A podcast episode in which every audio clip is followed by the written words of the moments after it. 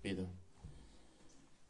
Vader, wat een, uh, wat een zin ook, Heer, dat we kunnen zingen, Heer, dat, dat heel ons leven uw naam zal verheerlijken. We bidden dat het echt zo mag zijn. Dat u dat werk in en door ons heen doet, Heer, om uzelf te verheerlijken. Heer, want uh, u komt alle eer, u komt alle glorie toe. Vader, we bidden, zo we onze aanbidding voortzetten door uw woord te openen, uw woord te lezen, uw woord te onderwijzen, te luisteren naar uw woord. Bidden we, Heer, dat u uzelf ook daardoorheen zal verheerlijken. Vader, u hebt dit woord gegeven om uzelf kenbaar te maken, om uw wil kenbaar te maken. En we bidden voor het werk van uw geest, die ons wijst op onze Heer Jezus Christus. Vader, zonder u hebben we geen hoop om dit woord te begrijpen. Dus doe alstublieft het werk wat alleen u in en door ons heen kan doen, Heer. Open onze ogen, open onze oren. Verzacht ons hart, Heer, opdat we niet rebelleren tegen het woord wat u hebt gegeven. Maar laat ons met vreugde en in zachtmoedigheid het woord ontvangen. We danken u, Heer. We loven u en we prijzen uw naam. De machtige naam van Jezus Christus onze Heer. Amen. Vorige week, uh, vorige week zijn we begonnen met het laatste thema in, uh, in deze serie, namelijk uh, ouderschap en, en opvoeding. we hebben vorige week stilgestaan bij het hebben van een Bijbels wereldbeeld op, op kinderen en op opvoeding. mijn hoop voor ons allen is dat we niet alleen kijken naar ouders die kleine, kleine of jonge kinderen hebben, uh, maar ook wij die al wat oudere kinderen hebben. Het idee kan bestaan, vooral hier in het Westen hebben we vaak het idee dat onze hoofdtaak als ouders is om onze kinderen op te voeden tot hun 18e, 21e en dan zijn we gedaan, is het klaar. Um, en al, alhoewel er iedere dag natuurlijk een stukje loslaten komt kijken bij het opvoeden, dat, dat, dat hoort er gewoon bij. Um, en alhoewel je niet dezelfde invloed meer hebt op je kind wanneer die 20 plus is, als toen hij of zij 5 uh, of tot 10 jaar was, is er geen leeftijd wat ons ontheft uit de positie van het zijn van een bijbelse ouder, een goddelijke ouder. Uh, kijk naar Job. We weten niet hoe oud de kinderen van Job waren, maar we kunnen, we kunnen uit de tekst opmaken dat hij volwassen kinderen had. En Job had een goede mate van invloed um, op zijn kinderen, ook toen zij nog volwassen waren. Uh, en we gaan in een andere studie stilstaan bij het hart van ouders en hun verantwoordelijkheid voor de band die ze natuurlijk hebben met hun kinderen. Maar let even op wat er staat bij, uh, in Job 1. Uh, eh, Job 1 lezen we versen 4 en 5. Dan lezen we het volgende. Zijn zonen waren gewoon, dus de zonen van Job, waren gewoon om een maaltijd aan te richten. Ieder op zijn beurt in eigen huis. Zij stuurden dan boden en nodigden hun drie zusters uit om met hen te, drinken, met hen te eten en te drinken. Het gebeurde dan, als de dagen van de maaltijden voorbij waren, dat Job hen bij zich riep en hen heiligde. Hij stond s'morgens vroeg op en bracht brandoffers voor ieder van hen één. Want Job zei: Misschien hebben mijn kinderen gezondigd en God in hun hart vaarwel gezegd. Zo deed Job, let goed op wat er staat, alle dagen. Dus nogmaals, Job had een bepaalde mate van invloed ook op zijn volwassen kinderen. En wat we niet moeten doen is bijvoorbeeld dit, hè, gooien op cultuur. Dat, dat, dat kunnen we doen. Van ja, maar in het Midden-Oosten is dit nu eenmaal zo. En hier in het Westen zeggen nee, dit, dat is iets wat wij niet moeten doen. Maar ik wil benadrukken, ik wil benadrukken aan hen met volwassen kinderen. En wellicht zijn je kinderen uh, niet in de heren. Wellicht heb je dit fundament niet meegekregen. Wellicht sla je jezelf voor je kop en denk je van... Weet je, ik heb nooit naarstig in de schrift gezocht hierna. Nooit gehandeld hierna. Hiernaar. En vorige week bad ik het ook. En ik wil echt dat we dat allemaal weten. Er is geen verdoemenis voor hen die in Christus zijn. Er is geen verdoemenis voor hen. Je kunt niet terug, hoe graag je ook wilt. Je kunt niet terug. Maar je hebt wel, onder leiding van de geest, invloed op hoe je vanaf nu wandelt met de kennis die je nu hebt. Je hebt de mogelijkheid om de troon der genade te bestormen. In de vrijmoedigheid gevonden in je zaligmaker. En om de Heer te vragen om voorbij te gaan aan je onwetendheid. Voorbij je falen te kijken en hem te smeken. Iedere dag weer in je gebed. Om jouw kind of kinderen te redden. Maar ook om waardig en onberispelijk te wandelen voor je kind of kinderen. En om in alle vrijmoedigheid aan hen te verkondigen dat als zij de Heere Jezus Christus aanroepen, zij zalig zullen worden. Maar je hebt ook dit. Wees een goddelijk invloed op hen in de gemeente die jonge kinderen hebben. Leer ze hoe ze hun kinderen bijbels dienen lief te hebben. Leer ze zorg te dragen voor hun huis. Wat we simpelweg in Titus uh, eh, 2 lezen. Leer ze dat. Behoed ze voor mogelijke misstappen. Het zal niet alleen ten goede van hen zijn, maar ook ten goede van de volgende generatie. Dus weet dat je dat invloed nog steeds hebt. Nou, vorige week hebben we naar drie punten gekeken. Punten die fundamenteel zijn in ons wereldbeeld uh, op kinderen en, op, uh, en opvoeding. We hebben één gekeken naar, we moeten een bijbelse kijk hebben op de geestelijke staat van onze kinderen. Uh, als we dit niet hebben, dan is er een grote kans dat we of de pedagogiek gaan volgen, of dat we onze eigen inzichten gaan volgen en dat we excuses gaan bedenken voor de zonde van onze kinderen. Of dat we ze zodanig gaan opvoeden dat onze kinderen hun gedrag aanpassen naar het gedrag wat wij graag willen zien, maar ondertussen hebben ze toch geen ontzag voor hun ouders. Het tweede punt waar we bij hebben stilgestaan uh, was de vraag beantwoorden wat de Heere God wilt met onze kinderen. Dus wat wilt God? En dat is dat zij Hem vrezen. Dat zij respect en eerbied, dat zij ontzag hebben voor de Heere God. Dat ze Hem leren kennen. En het derde punt waar we bij hebben stilgestaan is het absolute gezag wat God heeft over ouders. Ouders zijn niet autonoom. Ouders zijn niet soeverein in hoe zij hun kinderen willen opvoeden. Ouders dienen het bijbelse blauwdruk, het goddelijke blauwdruk van de Heere God te volgen. Zij dienen Hem te volgen in het huis wat Hij bouwt, want als de Heere het huis niet bouwt, te vergeefs zwoegen zijn bouwers eraan. Dat hebben we gelezen. Maar vandaag wil ik met jullie kijken, eigenlijk naar als het ware het vijfde gebod. Ja, en voor de kinderen heel belangrijk. We gaan het vandaag gewoon, onze tijd dat we hebben altijd hier, hoe lang dat ook zal duren. We gaan het gewoon hebben over het feit, kinderen moeten gewoon luisteren. Ze moeten hun ouders gehoorzamen. Ze moeten hun ouders eren. En dit gebod heeft niet alleen wat tegen kinderen te zeggen, dit gebod heeft ook veel richting ouders te zeggen. Maar nogmaals, kinderen dienen te luisteren, te gehoorzamen. Laten we naar enkele fundamentele teksten gaan kijken.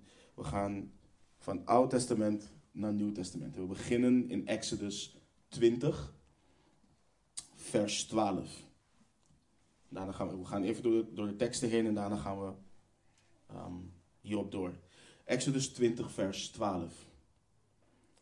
Eer uw vader en uw moeder, opdat uw dagen verlengd worden in het land dat de Heere uw God u geeft. Eer uw vader en uw moeder, opdat uw dagen verlengd worden in het land dat de Heere uw God u geeft. Ga alsjeblieft naar Leviticus. Leviticus 19, vers 2 en 3. Leviticus 19, vers 2 en 3. Spreek tot, de, tot heel de gemeenschap van de Israëlieten en zeg tegen hen: Heilig moet u zijn, want ik de Heere uw God, ben heilig. Ieder moet ontzag hebben voor zijn moeder en zijn vader en mijn sabbaten in acht nemen. Ik ben de Heere uw God. Leviticus 19, vers 2 en 3. Als je nu verder gaat naar Deuteronomium 5. Goed is, heeft Ser deze behandeld. Die staat ook online. Deuteronomium 5, vers 16. Eer uw vader en uw moeder, zoals de Heere uw God u geboden heeft, opdat uw dagen verlengd worden en opdat het u goed gaat in het land dat de Heere uw God, uw God u geeft. Nou, zoals ik al zei, dit is niet puur een oud-testamentisch ding. Paulus herhaalt dit ook als je in je Bijbel naar Efeze 6, vers 1 tot en met 3 gaat.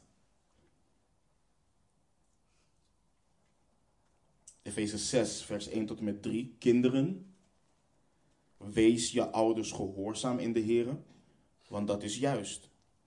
Eer je vader en moeder, dat is het eerste gebod met een belofte, opdat het je goed gaat en je lang leeft op de aarde. En Colossense 3, vers 20 lezen we ook het volgende. Dus dat was Efeze 6, vers 1 tot en met 3.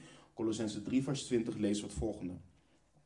Kinderen, wees je ouders gehoorzaam in alles. Want dat is wel behagelijk voor de Heer. Kinderen, wees je ouders gehoorzaam in alles. Want dit, want dat is wel behagelijk voor de Heer. Nou, de Heer Jezus herhaalt dit ook. Daar gaan we zo ook naar kijken in de studie. Kijk, een belangrijk ding voor ouders. De, de studie vandaag gaat niet over wat ik nu ga zeggen, maar ik moet dit zeggen omdat het fundamenteel is voor deze studie. Gehoorzaamheid van jouw kind aan jou is niet optioneel. Het is niet optioneel. God gebiedt dit. Hij suggereert het niet, hij adviseert het niet, hij gebiedt dit. Dit houdt in, en daar gaan we in een andere studie op in. Jij bent er onder leiding van de Heilige Geest verantwoordelijk voor om jouw kind gehoorzaamheid bij te brengen. Jij hebt die verantwoordelijkheid. Dit is niet God spreekt tegen mijn kind en op een dag zal mijn kind dit wel gaan begrijpen en gehoorzamen. Nee, je hebt een verantwoordelijkheid om jouw kind gehoorzaamheid bij te brengen, om jouw kind gehoorzaamheid te leren in de kleinste tot de grootste dingen. En dit gaat in tegen alles wat de wereld leert, waarin de rechten en de autonomie van een kind centraal staat. En begrijp me niet verkeerd, dit is geen probleem van nu, hè, want we weten wat Paulus leert in 2 Timotheus. Dat de laatste dagen ook hierdoor gekenmerkt zullen worden. Ongehoorzame kinderen aan hun ouders. Maar dit is geen probleem van nu. We zien wel dat het toeneemt, maar het is geen probleem van nu. Gebrek aan gehoorzaamheid en eerbied is, is, is iets, dit is te herleiden naar de ongehoorzaamheid van Adam tot in de Hof van Eden. En eeuw na eeuw we leven wel, zoals ik net al zei, in een tijd waarin het steeds erger wordt. En hier in het Westen loopt het de spuigaten uit. Let op wat koning Edward VIII zei over de kinderen in Amerika. dat is een hele lange tijd geleden. Maar aangezien Amerika koploper is in export van uh, ideologieën, let op wat, wat, wat hier staat. Wat de meeste indruk, ik citeer, wat de meeste indruk op mij maakt in Amerika, is de manier waarop ouders hun kinderen gehoorzamen. Wat de meeste indruk op mij maakt in Amerika, is de manier waarop ouders hun kinderen gehoorzamen. Einde citaat. Maar dit is niet iets wat alleen geldt voor Amerika. In Nederland is het net zo'n feest. Als je om je heen kijkt, in zowel christelijke als niet-christelijke cirkels, ongehoorzaamheid heerst. Het regeert. Want kinderen hebben geen eerbied voor hun ouders. En deze minachting voor het ouderlijk gezag over kinderen, die ons adviseert in combinatie met de invloed van de psychologie en pedagogiek, wat ons adviseert niets te doen om de emoties van een kind te onderdrukken of zijn gevoel van eigen waarde te schaden, heeft geleid tot minachting, zelfs in christelijke kringen, van het houden van het vijfde gebod. En belangrijk is dit: het vijfde gebod gaat over meer dan alleen eerbied en ontzag voor je ouders.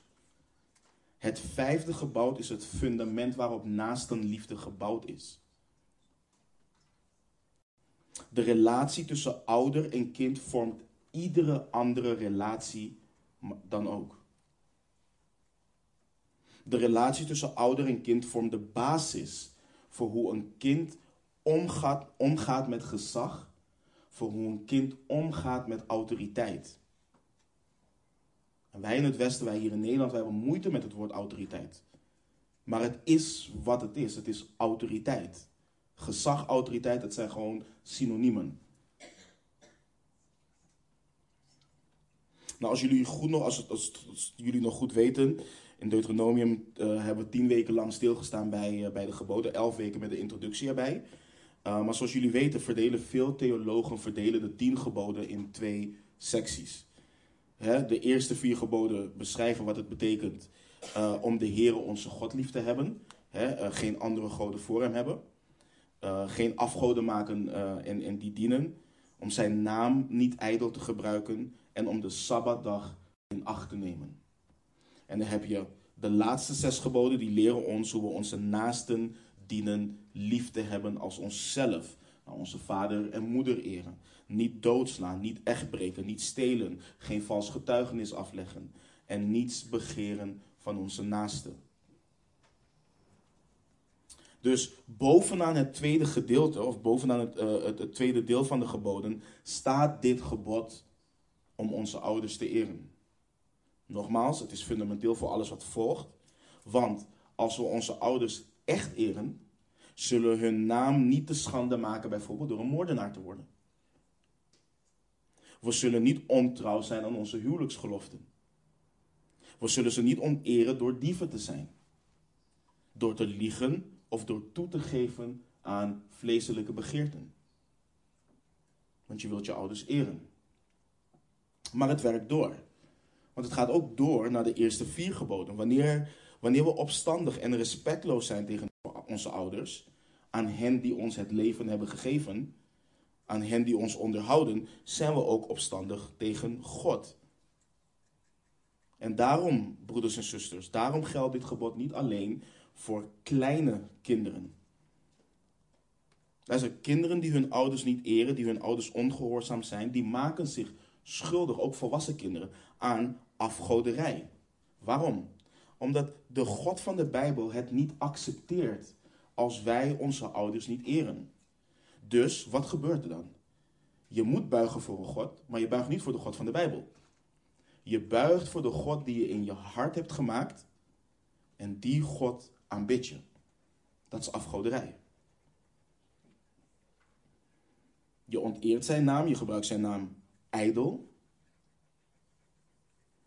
En je kunt geen rust vinden in de ware God van de Bijbel. Want voor de, voor de ongehoorzame is er geen rust. Dus gebrek aan eerbied voor ouders en de Heere God is gebrek aan eerbied voor alle autoriteit, zoals ik net al zei. En dat zal zich, als je goed kijkt ook om je heen, dat resulteert zich in de ineenstorting van orde in een maatschappij. Het zal een beschaafde samenleving in de weg staan. Dus ik hoop dat we inzien hoe fundamenteel dit is. Het houden van het vijfde gebod is niet een achterhaald eigenaardig idee dat zonder consequenties terzijde geschoven kan worden. Het is van essentieel belang voor onze samenleving. Het is ook van essentieel belang voor een lokale gemeente. Nou, de vraag is dan, als het van essentieel, waarom is het van essentieel? We moeten kijken naar hoe God kijkt naar ongehoorzaamheid. Wat zegt God over ongehoorzaamheid? Wat leert hij? Tegen kinderen die geen eerbied hebben voor hun ouders. Nou, laten we naar Exodus 21, vers 17 gaan. Wat zien we dan? Wie zijn vader of zijn moeder vervloekt, moet zeker gedood worden. Exodus 21, vers 17. Laten we doorgaan naar Leviticus 20, vers 9. Ja, iedereen die zijn vader of zijn moeder vervloekt, moet zeker gedood worden. Hij heeft zijn vader of zijn moeder vervloekt. Zijn bloed rust op hemzelf. Leviticus 20, vers 9. Of Spreuken 20, vers 20. Wie zijn vader of zijn moeder vervloekt, diens lamp zal in volslagen duisternis uitgedoofd worden.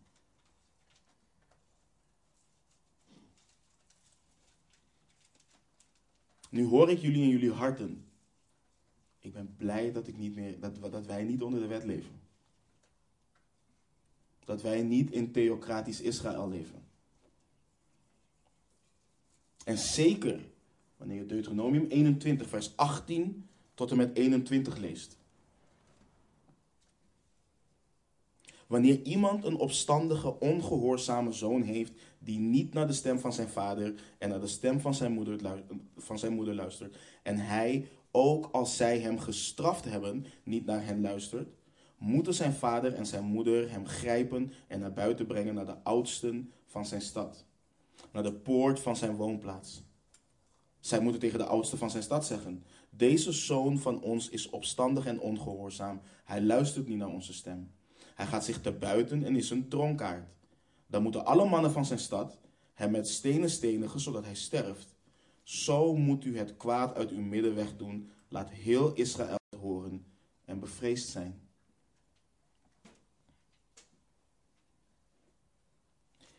Wij stenigen onze kinderen niet.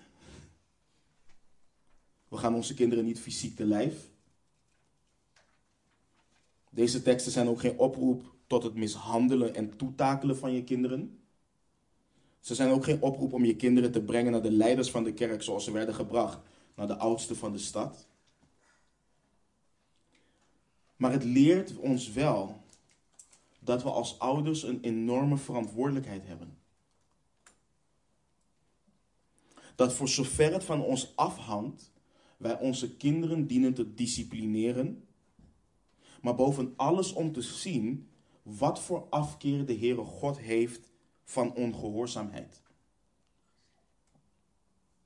Het leert daarnaast, en dat dienen onze kinderen ook te leren, het leert daarnaast dat aan ongehoorzaamheid consequenties hangen. Ongehoorzaamheid heeft gevolgen. Maar we, waren begonnen met Oude Testament, Nieuw Testament. Maar voor hen die toch zeggen, ja maar Mozes zegt dit. In het Oude Testament, de Heer Jezus bevestigt dit. Let op Marcus 7. Marcus 7 vers 10. Hij, daar, daar citeert de Heer Jezus. Hij zegt, want Mozes heeft gezegd. Eer uw vader en uw moeder. En wie vader of moeder vervloekt, die moet zeker sterven. Dus de Heere God haat ongehoorzaamheid. Hij haat ongehoorzaamheid, omdat ongehoorzaamheid opstandigheid is.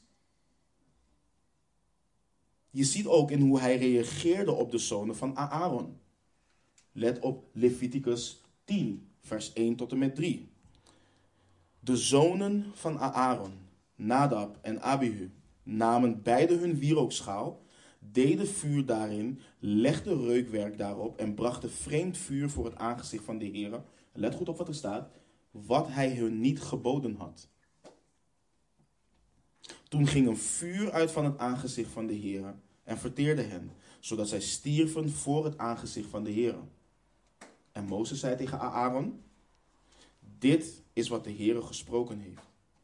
In hen die tot mij naderen, zal ik geheiligd worden en voor de ogen van heel het volk zal ik geëerd worden. Maar Aaron zweeg.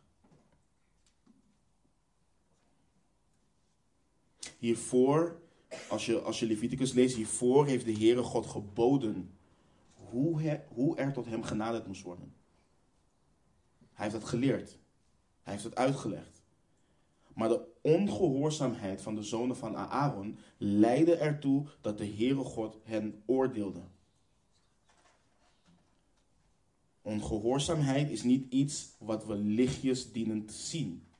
We dienen hier vanuit een bijbels perspectief naar te kijken. Niet menselijk. Maar nu is de vraag, de vraag rijst, wat betekent het om je ouders te eren?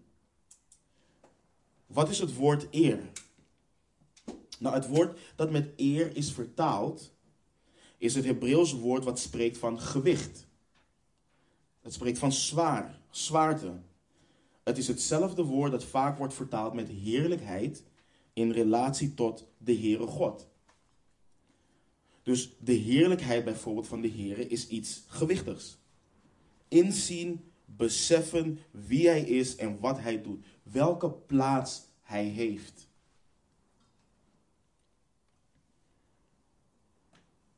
Inzien dat je Hem de hoogste plaats moet toekennen omdat Hij dat waard is.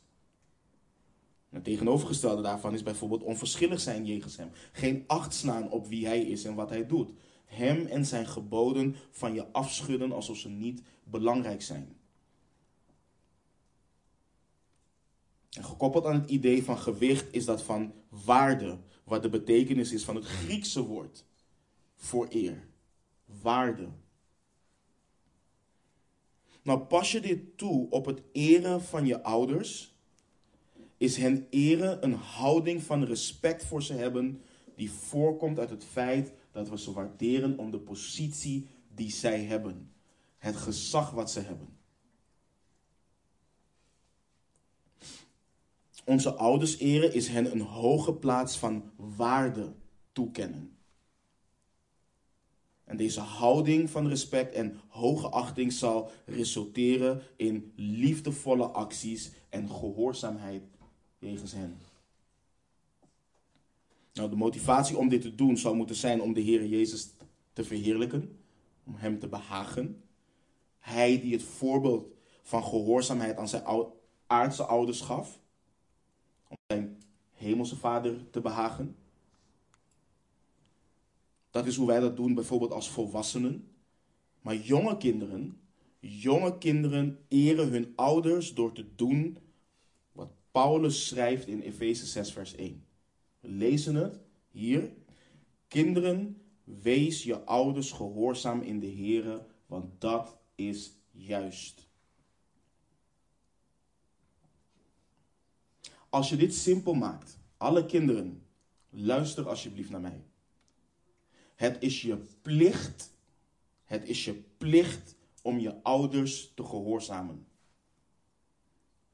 Het is je plicht. Het is jullie plicht om jullie ouders te gehoorzamen, om te luisteren naar hen, om te doen wat ze tegen jullie zeggen om te doen. Dat is jullie plicht. Dat is juist. Misschien vind je het niet leuk om dat te horen van mij. Misschien vind je me nu minder aardig. Ik ben hier niet om aardig gevonden te worden, maar om jullie de waarheid te leren.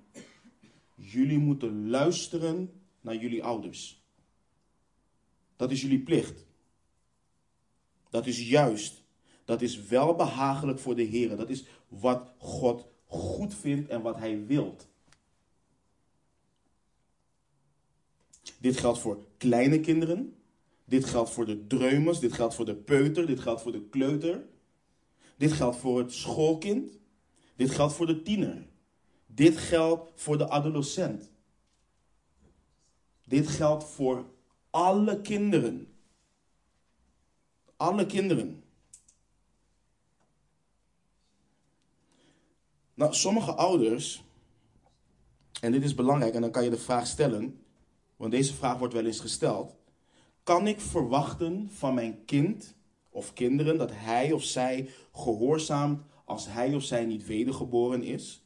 Kan ik verwachten van mijn kind of kinderen als hij of zij een tiener is dat hij of zij mij gaat gehoorzamen? Broeders en zusters, als jij je verantwoordelijkheid neemt, ik heb het net al gezegd, dan zul je tegen de stroom van de wereld ingaan. En ook wat in veel christelijke kringen vandaag rondgaat. Dit gebod gehoorzamen verwerpt namelijk de dwaasheid, de nonsens, dat een kind een periode van rebellie of opstandigheid kent. Dat dat de norm is. Wij hebben gemaakt in deze wereld dat het de norm is dat kinderen in een bepaalde periode opeens opstandig worden. En we hebben vorige week er al bij stilgestaan. Daarom is het belangrijk om dat fundament te leggen. Als je, het, als je de staat van je kinderen niet erkent, dan ga je mee in die stroom. Dan ga je mee in die stroom. Maar als je weet dat je kinderen geestelijk opnieuw geboren moeten worden, dat het zondaren zijn en dat ze zondigen omdat ze zondaren zijn, dan ga je niet mee in dat wat de wereld leert. Het is als het ware een self-fulfilling prophecy geworden in christelijke gezinnen, waar ouders lamlendig hun schouders ophalen over de rebellie van hun kinderen en het wegwuiven als, nou het is gewoon een fase waar ze doorheen moeten. Het is gewoon de puberteit. Nonsens. Nonsens. Tieners, ongelovige kinderen kunnen en moeten hun ouders eren, gehoorzamen en respecteren. Het moet. En je kunt niet vroeg genoeg beginnen. Kijk, dit is iets bijvoorbeeld. Ik heb dit heel snel in ons huis heel snel gezetteld. Onze kinderen dienen te gehoorzamen. En we leren ze dat. Het is geen machtsspel.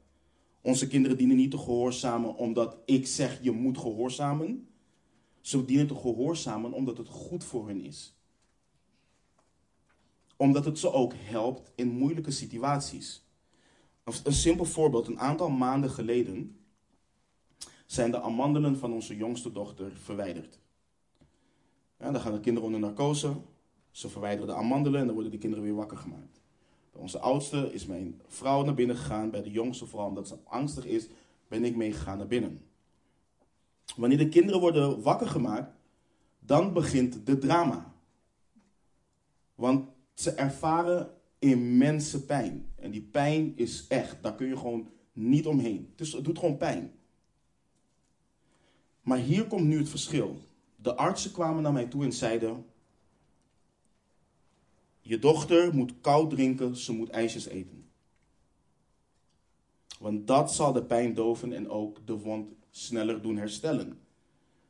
Als ze dat niet opkrijgt, als ze dat niet doet, dan kan ze hier niet weg vandaag, want dan kunnen er complicaties ontstaan. Nu heb je een ruimte met negen krijzende kinderen. En ik had oprecht met ze te doen. Want je zag dat ze echt pijn hadden. Maar wat zag je? Dat in die immense pijn ze zo ongehoorzaam waren als het maar kan. Ze waren allemaal stuk voor stuk ongehoorzaam. Kinderen schopten ijsjes uit de handen van hun ouders. Ze spuugden drinken uit. Ze sloegen en schopten hun ouders. Waarom? Slikken doet pijn. Dus het idee dat je nu limonade of ijs gaat drinken, hoe graag je ook limonade en ijs normaal wilt als kind, daar moet je nu niet aan denken, want slikken doet pijn. Maar nu rijst de vraag. Nu rijst de vraag als ouder. Wie heeft hier het gezag?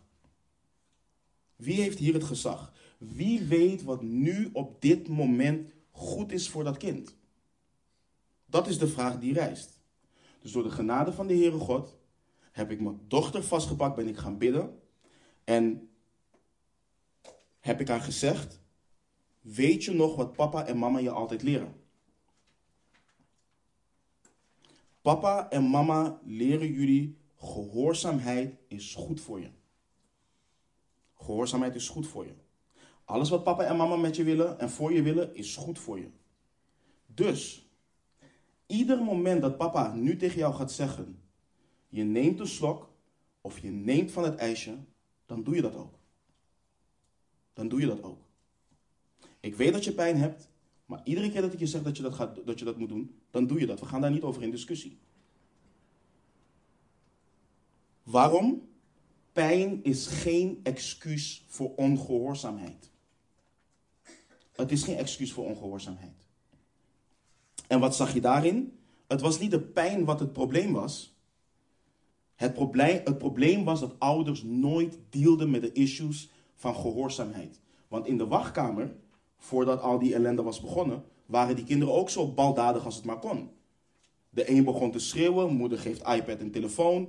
Moeder neemt telefoon terug, kind begint weer te schreeuwen en moeder geeft het terug, zodat kind niet verder schreeuwt. Dus dat heeft niet te maken met de pijn. Het heeft te maken met het feit, je hebt nooit gedeeld met gehoorzaamheid. Dat is de basis. En als je kind in zo'n basissetting al niet gehoorzaamt, wat denk je dat je kind gaat doen in een extreme setting? Dan gaat het ook niet gehoorzamen. En dit is wat wij als ouders in ons hart dienen te settelen. Kijk, gehoorzaamheid is niet, ik ben ouder, jij bent kind, je hebt niets te zeggen en je doet wat ik zeg. Dat is niet waar we het over hebben. Dat is geen bijbelse opvoeding. Daar sturen we niet op, dat is dictatorschap. Maar we hebben het wel over het feit dat God gezag heeft gegeven aan ouders over hun kinderen en dat kinderen hun ouders dienen te gehoorzamen omdat hun ouders de taak hebben om hen op te voeden. En daarin maakt het niet uit of het kind het gezag van God over de ouder erkent of niet. Het maakt niet uit of een kind God wel of niet wilt gehoorzamen. Wij moeten leren settelen in ons hart dat gehoorzaamheid geen optie is. God heeft jou de ouder gemaakt. Hij heeft jou het gezag gegeven. En niet jou en je kind.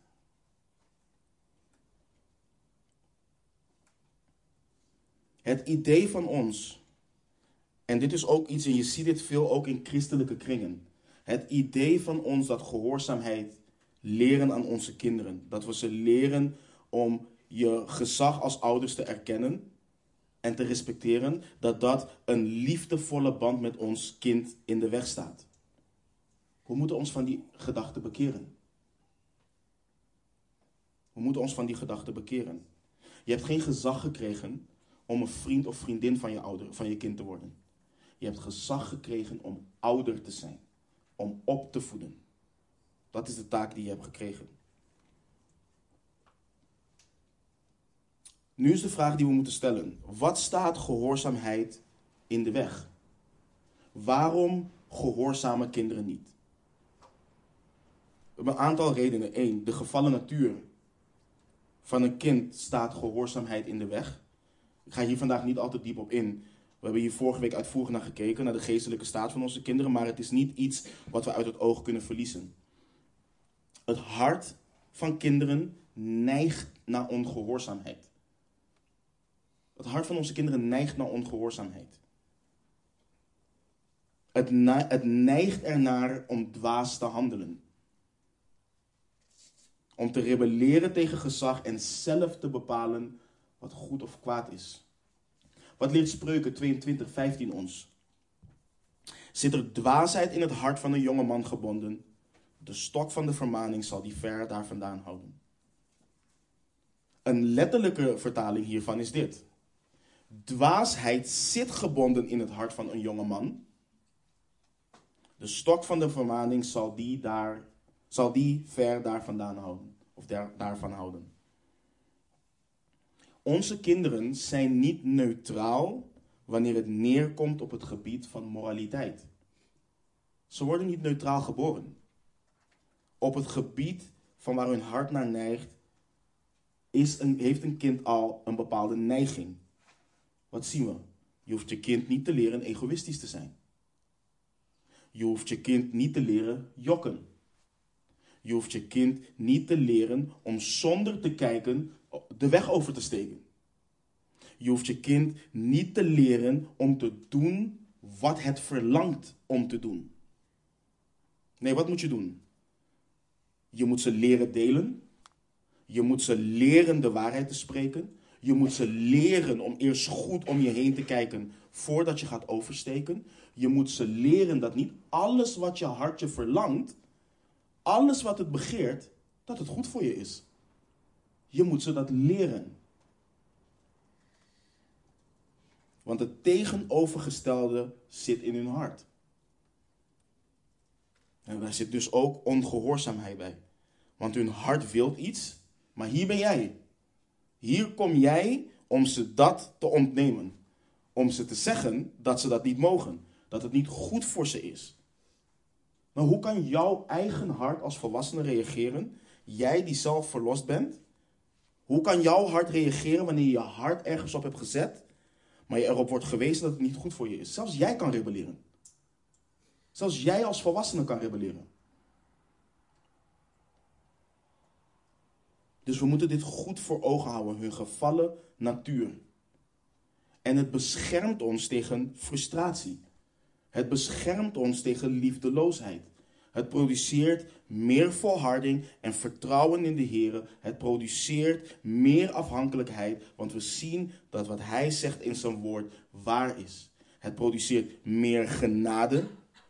Het produceert barmhartigheid. Het drijft ons tot gebed, tot evangelisatie richting onze kinderen. Waarom? Paulus schrijft het. Titus 3. Want ook wij waren voorheen onverstandig, ongehoorzaam, dwalend, verslaafd aan allerlei begeerten en hartstochten, levend in slechtheid en afgunst, hatelijk en elkaar hatend. Het is geen excuus voor zonde, maar het brengt wel genade en barmhartigheid teweeg in de opvoeding. Het brengt ons, zoals ik vorige week al zei, om hier geestelijk naar te kijken, maar ook om te handelen naar de dingen die God wil dat we doen.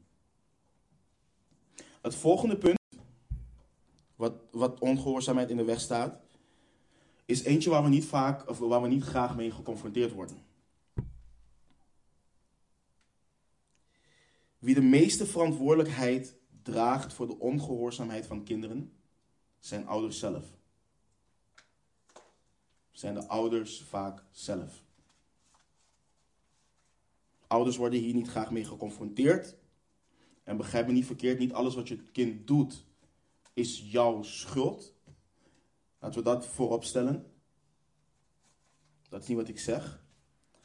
Maar een aantal dingen. De nalatigheid van een ouder om op te treden wanneer het nodig is, zorgt ervoor dat ongehoorzaamheid van een kind blijft toenemen. Geef je een kind de vrije loop, dan zal het kind doen waar het hart naar neigt. Treed je niet op, dan zal het kind zien dat het weg kan komen met bepaald gedrag. Daar ben jij verantwoordelijk voor als ouder. Nog een punt. Liefdeloosheid van een ouder naar een kind toe zorgt ervoor dat een kind ouders niet gehoorzaamt. Liefdeloosheid. En God, begrijp me niet verkeerd, God heeft niet tegen kinderen gezegd: gehoorzaam je ouder wanneer ze de ouder zijn die jij wil dat ze zijn. Dat heeft God niet gezegd. Maar een ouder die geen liefde, geen affectie toont jegens hun kind of kinderen, zorgt ervoor dat ongehoorzaamheid blijft toenemen bij een kind. Een ander punt. Ouders die in hun wandel wandelen als hypocrieten. Dat zorgt ervoor dat ongehoorzaamheid blijft toenemen bij een kind. Er is niets ergers dan een ouder die A zegt, maar in de wandel B doet. Er is niets ergers dan een ouder die praat over vergeving, die praat over liefde, die praat over genade, vreugde en blijdschap, die over heiligheid praat, die over rechtvaardigheid praat, maar het nalaat al die dingen te zijn en te uiten jegens hun eigen kind of kinderen. Er is niets ergers voor een kind om te zien hoe papa of mama geduld kan hebben met broeders en zusters in de gemeente, maar thuis geen geduld kan opbrengen. Er is niets ergens dan een kind die ziet dat papa of mama er een andere standaard op nahoudt voor andere kinderen dan de eigen kinderen. Luister, kinderen kunnen kilometers op kilometers afstand zien zij hypocrisie. Weet, weet je wat bij ons thuis, toen ik opgroeide, wat bij ons thuis nooit uh, bestond? En nu ook in mijn huis niet. Dat vrienden konden komen en dat ik tegen ze zei: Vraag jij het aan mijn vader of mijn moeder? Want als jij het vraagt, dan zal ze ja of nee zeggen. Of dan zal ze ja zeggen, of dan zal hij ja zeggen. Mijn ouders verlaagden nooit hun standaard voor het kindje uit de buurt. En gaf dan toe, omdat het kindje in de buurt kwam, zeggen: Hé, hey, uh, moeder van Giovanni of papa van Giovanni, mogen we X, Y, Z, wat Giovanni eigenlijk nooit mag? Antwoord was gewoon nee. Nee. En zo is het ook bij ons. Delano zegt bijvoorbeeld nee tegen mijn kinderen op dezelfde dingen waarvoor hij nee zegt tegen zijn kinderen. En ik zeg nee tegen zijn kinderen tegen op dezelfde dingen waarop ik nee zeg tegen mijn kinderen. Dezelfde Bijbelse standaard, dat is wat we hanteren. Dat is wat we moeten hanteren. We gaan stilstaan bij onze wandel als ouders, ook vanuit Deuteronomium 6. Maar het is zo essentieel, zo essentieel om te beseffen dat je met je wandel zoveel maakt of zoveel breekt. Wat schrijft Petrus? Niet in de context van kinderen, maar puur als je het breder toepast. 1 Petrus 2, vers 11 en 12. Geliefden, ik roep u op als bijwoners en vreemdelingen u te onthouden van de vleeselijke begeerten die strijd voeren tegen de ziel. Wat zegt hij dan? Houd uw levenswandel onder de heidenen goed. Waarom? Opdat zij die nu van u kwaad spreken als van kwaaddoeners, door de goede werken die zij in u waarnemen, God verheerlijken mogen op de dag dat er naar hen omgezien wordt. Laat niemand rechtmatig wat te zeggen hebben over hoe jij wandelt. Je dient onberispelijk te wandelen als ouder. Oprecht te wandelen. Wetend dat wat jij laat zien, dat wat jij verkondigt in jouw wandel, een goed getuigenis van de Heer kan zijn. Of het woord van God doet lasteren.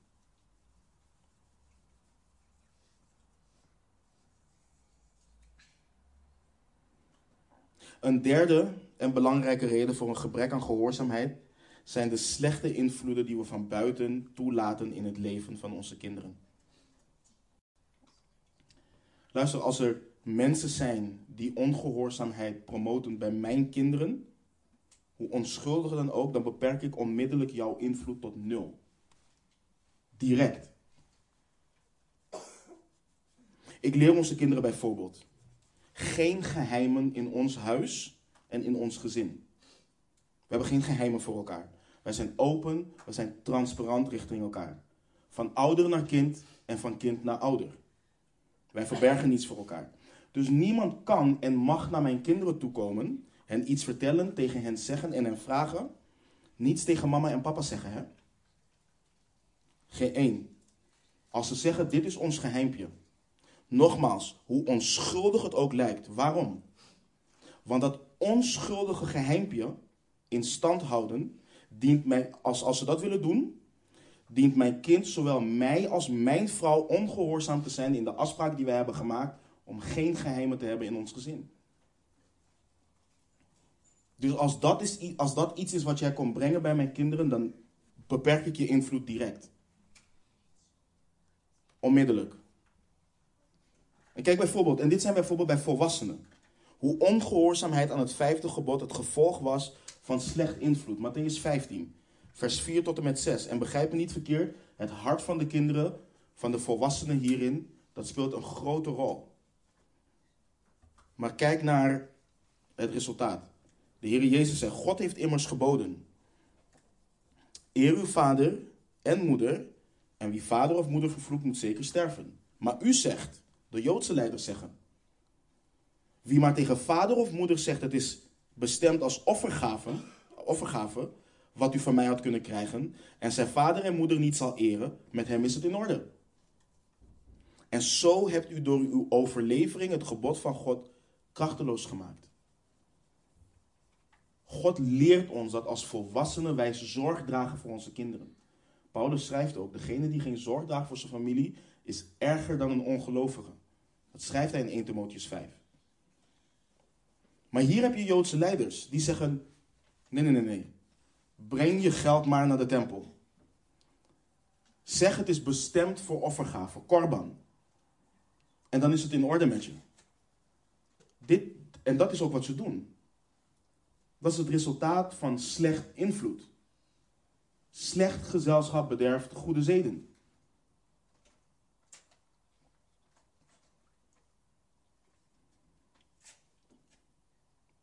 Nu een belangrijke vraag die we dienen te beantwoorden. Hoe dienen kinderen, hoe dienen kinderen, ik zie dat de kinderen spits luisteren, dat is goed. Hoe dienen kinderen hun ouders te gehoorzamen? Met wat voor hart dienen ze hun ouders te gehoorzamen? Welwillend en vreugdevol. Welwillend en vreugdevol. Een kind dient zijn ouders welwillend en vreugdevol te gehoorzamen. Waarom? Want het gehoorzamen, het eren van je ouders is juist. Het is goed. Het is welbehagelijk voor de Heer.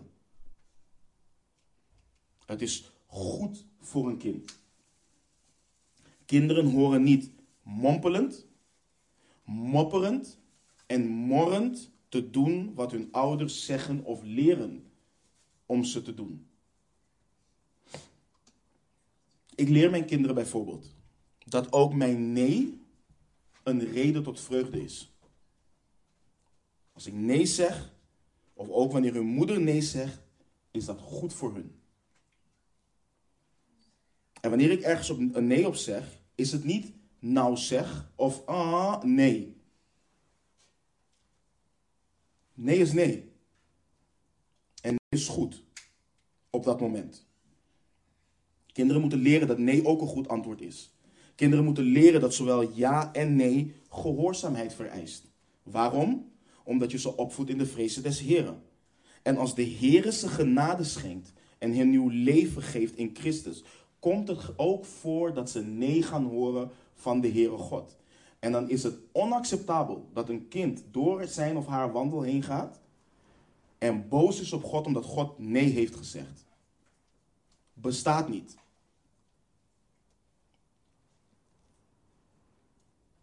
Zij moeten leren bij God dat die nee ook onderdeel is van de welbehagelijke en volmaakte wil van de Heer. En dat ze niet horen te rebelleren, dat ze niet met hem in discussie horen te gaan, niet de houding horen te hebben dat wanneer God nee zegt, dat het niet goed is. Dit is een zin die ik mijn kinderen altijd leer. Alles wat God zegt is goed. Alles wat God zegt doet, of alles wat God doet is goed. Waarom? Omdat God goed is. Ik hoop dat we zien, broeders en zusters, gehoorzaamheid, en dit is, we moeten dit zetten. Gehoorzaamheid is niet alleen iets voor nu. Gehoorzaamheid is niet alleen iets voor nu. Je voedt niet op met het oog op alleen nu. En dat is het ding. En daarom is gehoorzaamheid ook. En dat, want anders worden we tirannen in ons huis. Wat ik net al aan het begin zei. Je, je, je, je leert geen gehoorzaamheid omdat jij denkt dat jij de hoogste autoriteit bent. Omdat je het prettig vindt om dat gezag te hebben. Dat is niet waarom je het doet. Maar je voedt niet op met het oog alleen op nu. Bijvoorbeeld mijn kinderen, zij, of mijn vrouw, die leert de kinderen tekenen. En dan kunnen ze zoiets hebben van, eh, dit is, dit is moeilijk, ik stop ermee. Ik stop ermee. Dan zeg ik nee, blijf oefenen, ga door, je moet niet gelijk opgeven. En wanneer het iets te vaak gebeurt, dan is het tijd voor een serieuze les. Ook bijvoorbeeld wanneer we spellen als mens erg je niet spelen of wat dan ook. Kijk, ik, ik speel nooit om kinderen te laten winnen. Ik ga gewoon hard ga ik erin. Je moet leren verliezen. Je moet ermee leren omgaan. Maar wat leer ik ze daarin? Er gaan dagen komen in het leven waarin je iets niet kunt op je werk. Waarin iets niet leuk is op je werk. Waarin het gewoon tegen zit in het leven. Die dagen ga je krijgen. En wat leer je ze dan vanaf nu? Dan ga je niet zomaar opgeven. Je gaat niet omdat je werkgever één dag iets heeft gezegd wat je niet leuk vindt, gelijk een nieuwe baan zoeken. Je moet kunnen omgaan met tegenslag. Je moet kunnen omgaan met weerstand. Je moet je kunnen onderschikken aan autoriteit.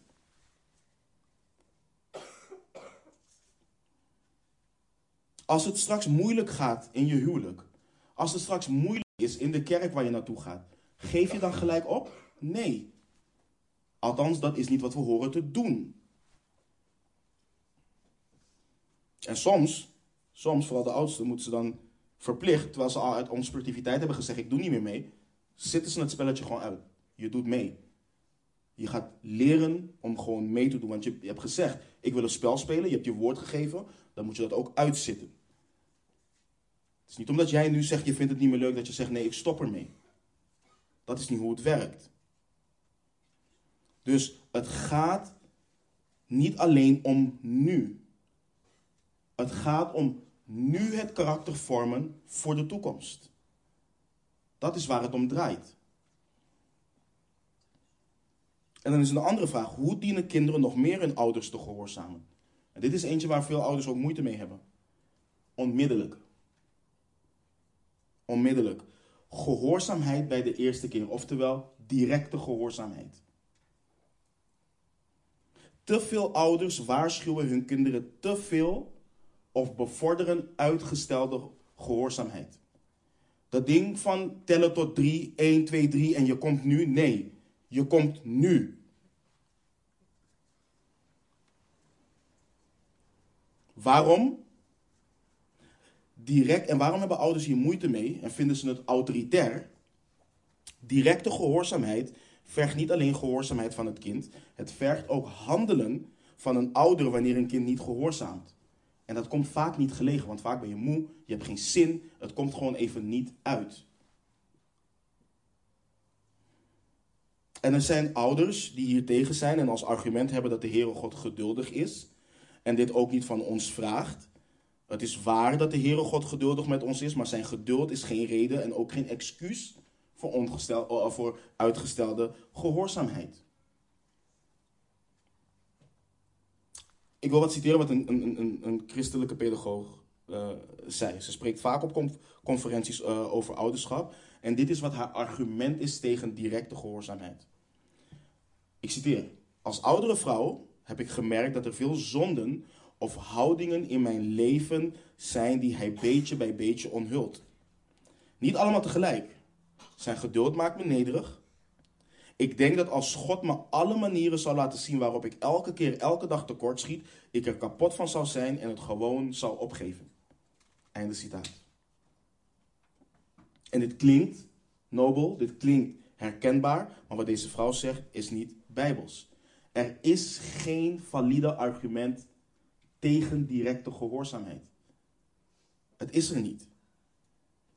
Wat zij zegt is dat ze zich onwaardig zou voelen als de Heere God haar alle zonden in één keer zou laten zien en dat het gewoon geen zin meer heeft.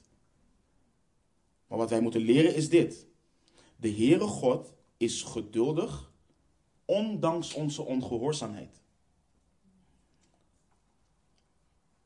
Hij is trouw, ondanks onze ongehoorzaamheid. Maar hij biedt geen ruimte en vrijheid voor onze ongehoorzaamheid. Dat zijn twee verschillende dingen. Ongehoorzaamheid is zonde en we dienen onze zonde te beleiden en ons daarvan te bekeren. Niet denken dat we twee, rust, twee weken rustig in onze zonde mogen blijven en ons dan pas bekeren. Als God ons onze zonde openbaart, dan dienen we ons daarvan te bekeren. En hetzelfde geldt voor onze kinderen. Ook hier geldt weer, je voedt niet op voor nu alleen. Een kind wat nu niet leert om direct te gehoorzamen, zal niet gehoorzamen op de meest cruciale momenten waarin dat vereist wordt. Die, die, die, die, die vrouw die ik net citeerde, die zei dat kinderen zo'n 20 tot 40 seconden nodig hebben om te verwerken wat je van ze vraagt. Denk je dat een auto 20 tot 40 seconden wacht wanneer een kind zonder te kijken de weg oprent en je tegen dat kind zegt: stop daar? Nee. En dan kun je zeggen: ja, maar dat zijn uitzonderlijke momenten. Maar zo'n uitzonderlijk moment is maar één keer nodig om goed fout te gaan.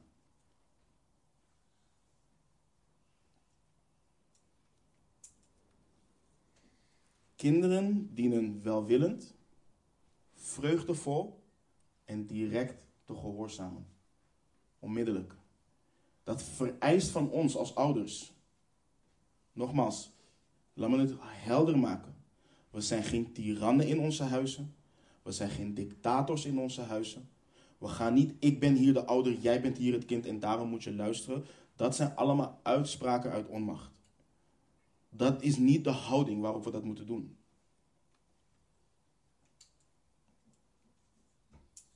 Maar kinderen dienen welwillend, vreugdevol en onmiddellijk te gehoorzamen. En dat betekent ook, als ouder hoor je niet in discussie te gaan met je kind.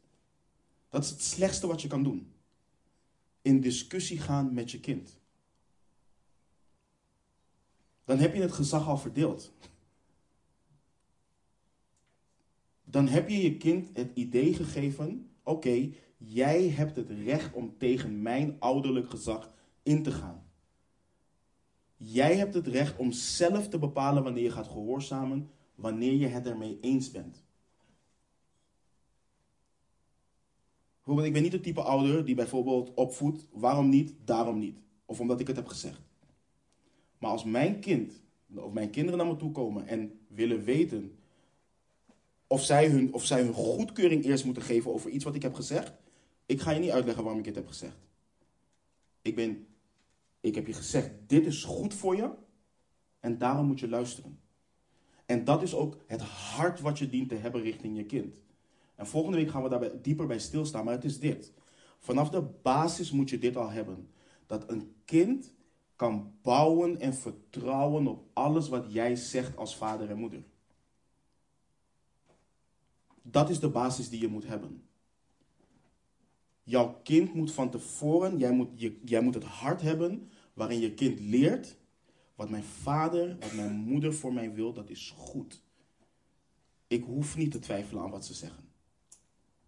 Er was een moment in onze opvoeding dat mijn oudste kwam en hoe kan ik zeker weten dat wat jullie mij leren over de Bijbel, dat het waar is.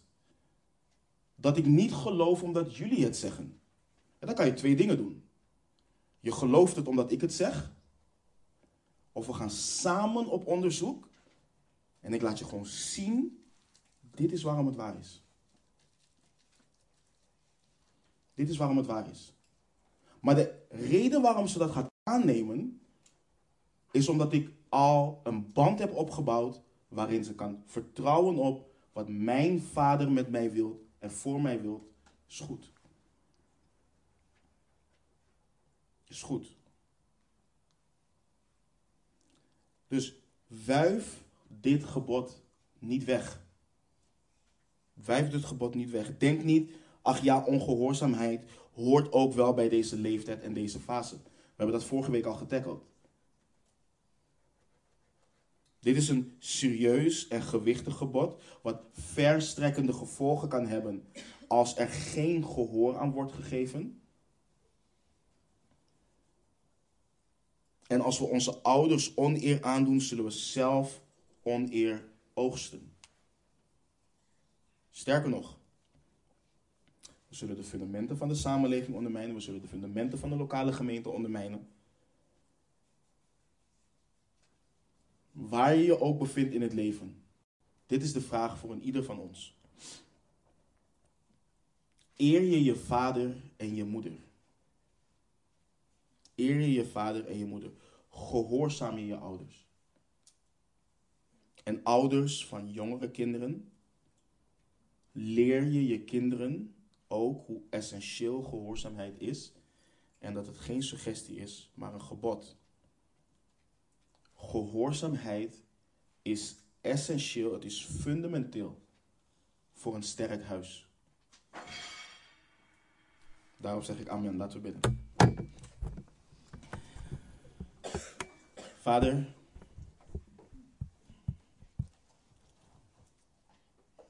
Heer, ik weet dat, zoals we ook bij het huwelijk hebben stilgestaan, dat ouderschap echt dichtbij komt, Heer.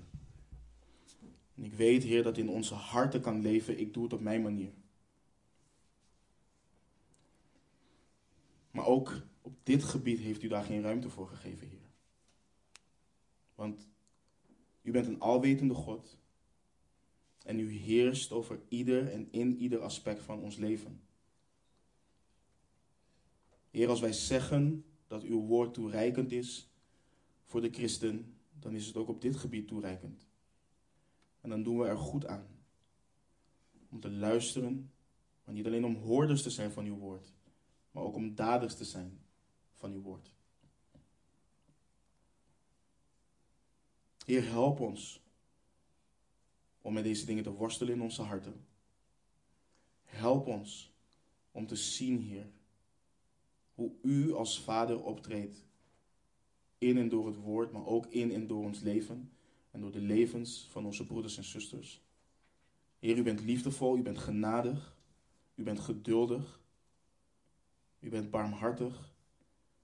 We zouden volledig verloren zijn, Heer, als U dat niet was. Maar het, is niet alleen, zijn niet alleen die dingen die ons behouden, Heer. U in uw totaliteit, Heer, in wie u totaal bent, compleet bent.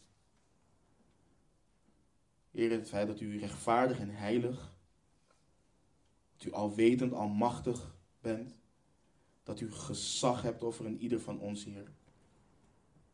Dat alles van u is en tot u is, Heer.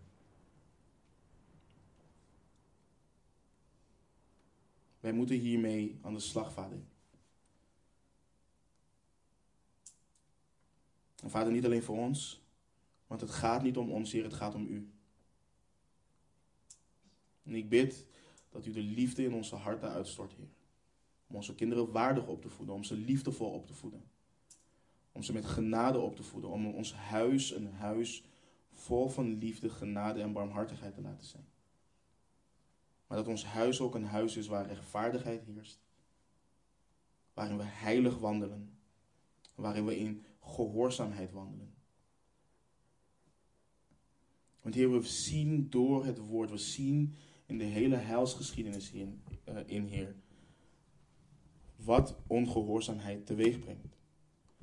Wat het teweeg brengt wanneer we doen wat juist is in onze eigen ogen. Heer, we hoeven alleen het boek Richteren te lezen en we zien de ellende daarvan, Heer.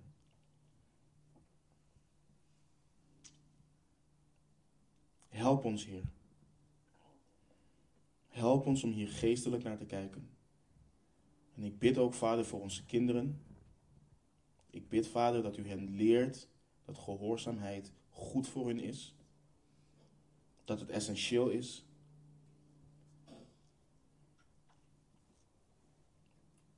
En ik bid ook dat u ons de kracht geeft en de volharding geeft als ouders om ze dat bij te brengen. U bent goed, Vader. En we danken u, we loven u, we prijzen uw naam. In de machtige naam van Jezus Christus, onze Heer. Amen.